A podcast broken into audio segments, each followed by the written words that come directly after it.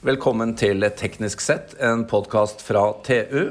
Mitt navn er Jan Moberg, og jeg sitter eh, ikke her, men der med Odd-Rikard Valmot. Hei, Jan. Hei der.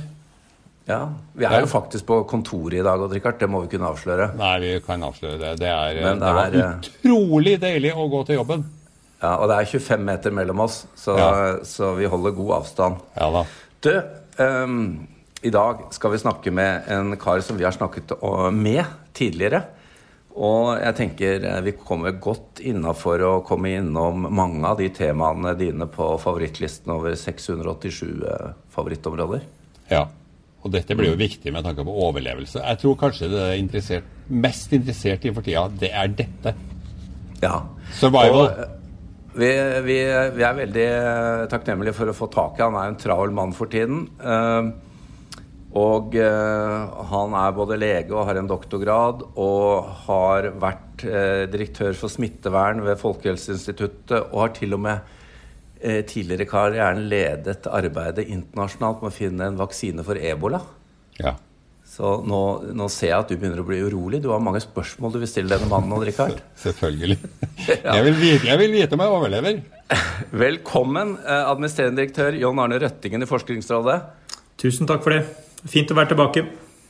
Ja, vi, takk for sist for øvrig. Da satt vi veldig tett i Arendal for noen måneder siden. Ja, Vi kunne ikke sette i kahytten på denne måten nå. Nå, nei. Men eh, Jon Arne, før, før vi eh, går videre jeg, jeg tenker at vi hører ofte om Forskningsrådet. eh, men vi får sjelden to linjer om hva oppdraget deres er. Det tenker jeg kan være veldig greit å få med, få med oss nå før vi går videre. Ja, det er fint. Og, og oppdraget til Forskningsrådet opplever jo jeg er viktigere enn noensinne. Ikke minst nå midt under denne pandemien. Eh, Og det er av to grunner. Eh, For det første så er vi jo alle utrolig kunnskapshungrige og hungrige på ny teknologi, nye løsninger, for å rett og slett håndtere pandemien. eh, Og se hvordan vi skal komme ut av det, og hvordan vi skal nettopp oppnå overlevelse, som ble nevnt. Eh, Så det er på en måte behovet for å finne kunnskap og løsninger og teknologi. Men så må vi i tillegg huske på at Forskningsrådet bidrar med 10 milliarder kroner inn i norsk økonomi hvert år. Altså Det er jo ikke bare penger for at det skal brukes penger, men det er jo målretta investeringer for å bidra til forskning og innovasjon som kan uh, utvikle nye løsninger, kan omstille Norge, finne ny kunnskap på viktige spørsmål. Uh, og jeg fikk faktisk et spørsmål her om dagen fra et internasjonalt forskningsmagasin hvor, om vi nå begynner å skalere ned på forskningsinvesteringene fordi det er eh, ja, vanskeligere økonomiske tider osv. Ja. Eh, Fordi det hadde de hørt fra andre land, men mitt svar var egentlig det motsatte. Nei, vi ønsker egentlig å ideelt sett å bruke 11 milliarder i år, altså øke investeringene, fordi det er så viktig for omstilling, og det er så viktig å utnytte faktisk noe av den ledige kapasiteten som er i både forskningsinstitusjoner og bedrifter i en krise som dette. Fordi vi skal ut av krisen, og vi skal finne nye eh, produkter og tjenester som kan eh, konkurrere globalt. Men da er det jo ganske spennende da, at, eh, at dette med både helse, medisin og vaksine har blitt så sentralt i et lite land som Norge. Ja, det er spennende. Og du kan si Jeg studerte jo infeksjonsepidemiologi etter jeg la min doktorat doktorgrad tilbake for over, ja, over 20 år siden. Og da lærte jeg på en måte de teoretiske modeller for nettopp hvordan epidemier sprer seg. Og da lærte jeg helt nye begreper som jeg ikke hadde lest om på medisinstudiet når jeg skulle bli lege. F.eks. begreper som reproduksjonstall. Ehm, Ja. og nå er jo det plutselig blitt allemannseie. Nå snakker statsminister og helseminister om reproduksjonstall, og journalister gjør det samme. Det viser på mange måter hvor, hvor vi opptatt vi er av kunnskap eh, i denne situasjonen, og hvor det viktige det er å faktisk ha god greie på ting, eh, skal man eh, finne gode løsninger. Ja, tallet én har fått en ny betydning i det norske samfunn. Tallet én har helt klart fått en ny betydning. eh, Og det er et spennende tall, for det må jeg si jeg ble fascinert av. Hvor nettopp, i motsetning til annen epidemiologi, altså når- vi har risiko for hjerte-karsykdom eller kreft, så er jo det en risiko som, som den, det enkelte individ har. Og om du har risiko for kreft, så påvirker det ikke min risiko.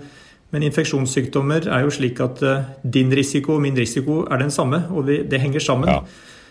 Da får vi både disse ikke-lineære effektene, hvor plutselig risikoen løper løpsk i været med eksponentiell vekst. Og vi får nettopp også de positive mulighetene som ligger i at greier vi å få et reproduksjonstall under én, så får vi faktisk lokal kontroll og kan håndtere situasjonen. Så det er et spennende fagområde og utrolig viktig i disse dager. Men uansett uh, hvor langt vi får den R-en ned, så vil jo verden påvirkes veldig av om vi får gjort noe med det her viruset på kort og lang sikt. Og på kort sikt er det jo du som leder det viktige arbeidet. Å få, få fram en medisin. Ja, jeg, jeg, pleier å si at jeg koordinerer det, fordi her er det utrolig mange krefter som eh, bidrar. Ja. Og, og, det første jo vi gjør nå, som uh, fagmiljøer på tvers av mange land i verden, det er å uh, prøve ut allerede etablerte legemidler uh, på covid-19-infeksjonen. Fordi det er det raskeste veien til målet. Hvis vi kan eh, ta legemidler som er bevist eh, trygge for andre sykdommer, så vil vi spare veldig mye tid, rett og slett, eh, hvis vi kan faktisk vise at de virker. Og Da er det veldig viktig å påpeke at det vi snakker om nå er ikke en vaksine, men det er å snakke om å håndtere eh, symptomene når du får sykdommen. Ja, så det handler om behandling, og det handler først og fremst om behandling etter at vi har blitt så alvorlig syke at vi legges inn på sykehus. Eh, så det vil ikke påvirke reproduksjonstallet, hvis vi skal komme tilbake til det. En vaksine ja. derimot vil i praksis påvirke det effektive reproduksjonstallet eh, og bidra til å stoppe selve epidemien. Men det er utrolig viktig for den enkelte, eh, og i og for seg for helsetjenestens kapasitet, at vi også har god behandling. Fordi Målet med denne behandlingen det er jo for det første å selvfølgelig sikre at pasienten har mye større sjanse for å overleve. Det er det første målet. Men så er det også slik at vi ønsker at pasientene skal unngå å bli lagt på intensivavdelinger, unngå å måtte gå på respirator og ha et kortest mulig sykehusopphold. Og Det er jo også viktig for helsetjenestens kapasitet i stort, fordi det betyr at korte sykehusopphold og relativt sett friskere pasienter gjør at vi har vesentlig større kapasitet. Altså Det jeg håper, er at vi kan få en medisin som på en måte kan klippe toppen av det her. Det er vel kanskje det du beskriver. Sånn at du ikke blir så syk. At du til og kanskje slipper øh, sykehus også. Det er absolutt målet. Og, og, så er det litt vanskelig akkurat nå å teste ut akkurat det du spør om. Uh, nettopp om hvis vi kommer tidlig nok inn, uh, at en medisin er såpass effektiv at den unngår sykehusinnleggelse eller reduserer sjansen for det, da, for å bruke et annet begrep. Eh, fordi det er slik at testkapasiteten eh, er såpass lav, har vært eh, hittil, at det er først når du blir alvorlig syk at du blir testet. Ja. Så foreløpig er den store studien som Verdens helseorganisasjon koordinerer, den ser på pasienter som legges inn på sykehus. Neste fase så vil det være aktuelt å se på pasienter med mindre symptomer, og kanskje med en gang de får såkalt symptomdebut. Eh, men da forutsetter det at vi har raske tester som også kan gi svar på om det er covid-19. Men vi må jo spørre, da. Hvor, hvor mange, hvordan finner dere kandidater til å, til å, finne fram til disse medisinene? Hvor mange er det, og hvor langt har det kommet, og hvor kommer de fra? Det er mange spørsmål man får i hodet når, når vi hører om dette arbeidet. Ja, absolutt. Og det er i og for seg mange svar. Fordi noen kandidater øh, er rett og slett identifisert fordi det er rapporter basert på klinisk erfaring om at noen legemidler har vært forsøkt ut. Selvfølgelig ut ifra et teoretisk grunnlag som er fornuftig.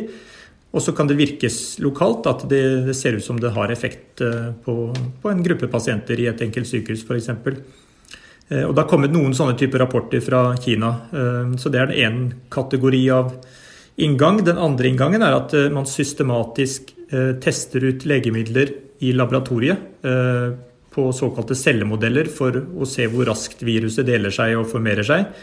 Eh, og Det er en mer sånn systematisk screening av kandidater. og også den identifiserer aktuelle godkjente legemidler som kan være lovende fordi de nettopp har en slik effekt. Hvor mange, hvor mange snakker vi om? Er det ti, eller er det 100? Ja, eh, Akkurat nå så er det nok over 100 kandidater. Eh, fordi vi må også huske at det, eh, det er mange firmaer som har kandidatlegemidler som de ønsker å få prøvd ut, og, og som punkter kan påvirke infeksjonssystemet, inflammasjons-, uh, immunologiske systemer, altså mange biologiske systemer som kan være relevante for en såpass kompleks sykdom. Og Da er det nå en, rett og slett en konkurranse om at slike uh, legemidler, eller i og for seg de er jo ikke legemidler ennå, for de er ikke godkjent, men uh, mulige legemidler, at de får prøves ut i større kliniske studier. Uh, men blant uh, etablerte legemidler så har det vært en mindre gruppe. Men for å bore litt mer, da. Er det noen som viser virkelig potensial her, eller? Odd Rikard er engstelig, skjønner du, så han må ha noen raske svar. ja, hvis... Hvis vi skal tro på medier og politikere litt her og der, så er det jo noen legemidler som har øh, på en lovende resultater. Eh, Iallfall slik de blir omtalt. Eh, og det er jo disse legemidlene vi også nå tester i den store eh, WHO Solidarity Trial, som det heter. Og Det er f.eks. malariamedisin malariamedisinen klorokin uh, i litt ulike varianter. Uh, og det er det som opprinnelig var utviklet som en ebolamedisin, remdesivir. Ja. Og det er også en, en kombinasjon av to antiretrovirale legemidler som da virker mot hiv. alle disse har hva skal jeg si, rapporter på at de virker i laboratoriet og kan virke lovende. og du har allerede Eh, hva skal jeg si, kliniske leger som har stor tro på disse og, og har ønsket å ta dem i bruk. Men så er dilemmaet at hvis hver enkelt lege eller hvert enkelt sykehus begynner å ta i bruk uh, slike legemidler, uh, så får vi aldri egentlig vite om de virket. Uh, og det er mye såkalt off-label-bruk, eller såkalt compassionate bruk. Eh, der, jeg har dessverre ikke de beste norske begrepene på det, men det handler rett og slett om å bruke legemidler utenfor den offentlige godkjenningen de har. Ja. Og, og, fordi vi trenger å lære, og fordi vi trenger nettopp å vite hva er beste behandling for den store gruppen av pasienter, så må vi gjøre dette på kontrollerte måter. Og derfor slike store kontrollerte studier. Men det er jo et steg til, og jeg skjønner det er mange variabler her, men når man først finner noe som virker, så bør man jo helst finne noe som kan la seg produsere i volum ganske raskt, da. Ja, det er en viktig problemstilling, og det er øh, jo slik at noen typer legemidler er lettere og raskere å produsere øh, enn andre. Øh, disse er i utgangspunktet alle relativt lettere å produsere. Øh, mens øh, f.eks. med komplekse legemidler som øh, monoklonale antistoffer som målrettet mot viruset, ja. de vil koste mye mer å være med komplekse produksjonsmetoder. Klorokin er det jo masse av. Det er jo et malariamedisin som vi har brukt i over 60 år internasjonalt. Samtidig så må vi også si at det er ikke mye tilgjengelighet i Norge. fordi For det første, vi har ikke malaria i Norge. Og, vi, derfor, og det er i tillegg også i liten grad brukt i dag som malariaprofylakse. Iallfall eh, for nordmenn som, som drar på, på reise. Eh, men det brukes i Norge for noen, en utvalgt gruppe av leddgiktpasienter bl.a. Eh, i én form. Eh, men vi trenger økt produksjonskapasitet på disse legemidlene hvis de skulle vise seg å virke. Men uh, det er vel eh, et faktum at Kina og India er de store produsentene av, på av måte, basisstoffer til legemidler. Og de har vel Jeg, vet, jeg har hørt at India har hvert omtrent skrudd igjen helt. De vil ha det selv. Ja, det stemmer. Det jo litt ulike tall, men vi sier vel at omtrent 70% av legemiddelproduksjonen når det gjelder den aktive substansen, altså selve virkestoffet i legemiddelet, at det skjer i de to landene.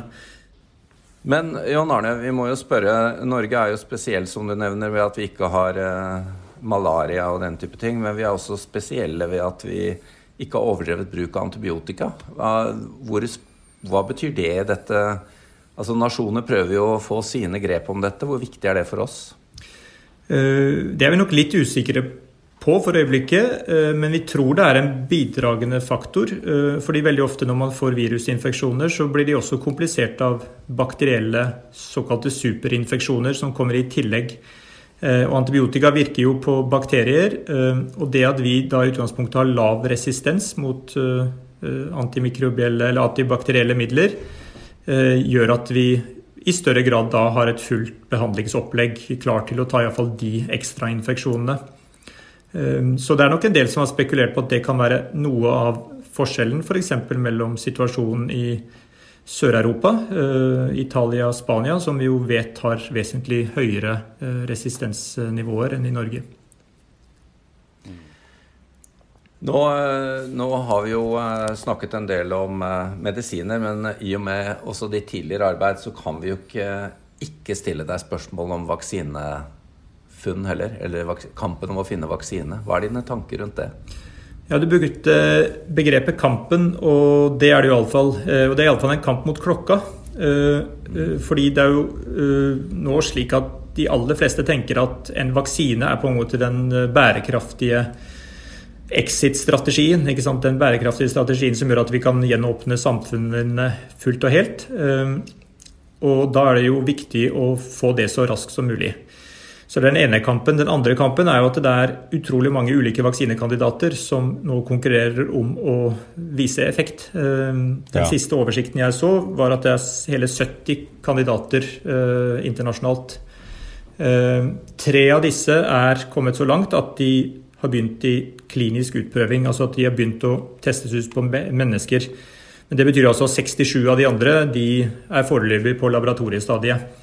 Uh, Eh, så det blir spennende å se hvor raskt disse vaksinene kan utvikles videre. De tre som er først i løypa, de er på relativt nye vaksineteknologier, for å bruke det begrepet. De er basert på DNA eller mRNA, altså genetiske baserte vaksiner. Ehm, det har vi foreløpig ingen godkjente vaksiner for andre sykdommer på markedet som bruker den type teknologi. Men hvis de viser seg å virke, så er det veldig interessant, fordi det gjør oss også økt fleksibilitet til å kunne lage nye lignende vaksiner mot kommende virus i framtida. Ja, Det var noen forskere i eh, Oxford var det vel, som gikk ut i, for en uke eller to siden og sa at vaksina kunne være klar i september-oktober. Har du noen tro på det? Ja, det er uh, miljøet på, til Adrian Hill eh, ved Oxford University, som jeg tror jobber med en rekombinant virusvaksine. Altså det betyr at de, de, de, tar et virus som er ufarlig, eh, og så bytter ut en del av det viruset med et koronavirus eh, gensekvens som sannsynligvis gir en god immunrespons. Og så gir du det ufarlige, litt ufarlige, altså da å forandre det viruset til og som heller ikke replikerer, altså det formerer seg ikke, men du gir det som en vaksine. De vil nok ha en sånn vaksine klar, og kanskje med de første fase 1-resultatene eh, klar eh, over sommeren. Eh, men det er jo mye som skal til for at det så er en vaksine som du og jeg kan bruke. Det, den skal testes videre for å virkelig se at den ikke bare gir en immunrespons, men også beskytter mot infeksjon. Og så må den skaleres opp i produksjon, ikke minst. Eh, og slike virusbaserte vaksiner krever ganske avanserte produksjonsfasiliteter. Eh, og ja. Eh, vil ta tid å skalere opp. Ja. Så det er, det er, det er en stund enda til at jeg kan håndhilse på Jan, altså. Det, dere må ta og booke fortsatt i noen måneder til, tror jeg. det er nok det tryggeste. Ja. Ja. Sta, stadig nye, nye påfunn. Ja. Uh, John Arne Røttingen, vi må avslutte, men da må jeg dra det litt tilbake til eh, starten. Fordi det er jo få ting som gleder uh, Odd-Rikard og meg mer enn å høre om uh, at vårt lille land bidrar innenfor initiativer som har med medisin og helseteknologi å gjøre. Du sitter jo på en veldig sentral plass, også utover det vi har snakket om i denne podkasten. Hvordan ligger vi an? Altså er lille Norge, og dere sitter i Forskningsrådet, er hvor er vi igjen på kartet med initiativer herfra? Jeg opplever jo at uh, norske miljøer er veldig uh, både kvalifiserte og interesserte i å bidra her. Uh, vi bestemte oss for å ta en såkalt hurtigutlysning på forskningsmidler retta mot koronautbruddet. Eh, ba bare i løpet av ti dager med ti dagers frist ba vi om å få uh, korte skisser til mulige prosjekter. Uh, fikk langt over 100 slike. Og så har vi nå, etter at vi har sett litt på dem, hatt en ny runde og fått inn over 70 fulle søknader. og det er i hele bredden av hva skal jeg si, prosjekter som kan bidra til å håndtere eh, epidemien. Så det er helt klart sterke fagmiljøer i Norge som bidrar, både med vår egen respons, eh, f.eks. øke testkapasitet, kan utvikle metoder for å se om du og jeg har gjennomgått infeksjonen, eh, ikke bare om vi er eh, positive her og nå. Bidrar til å teste legemidler. Og også nå faktisk tenker seg å kunne utvikle universelle Eh, koronavirusvaksiner. Så veldig spennende eh, forskning i norske ja. fagmiljøer. Da må vi bare ønske deg lykke til med jobben videre, og vet du er en travel mann. Takk for at du brukte litt tid på oss. Takk for anledningen.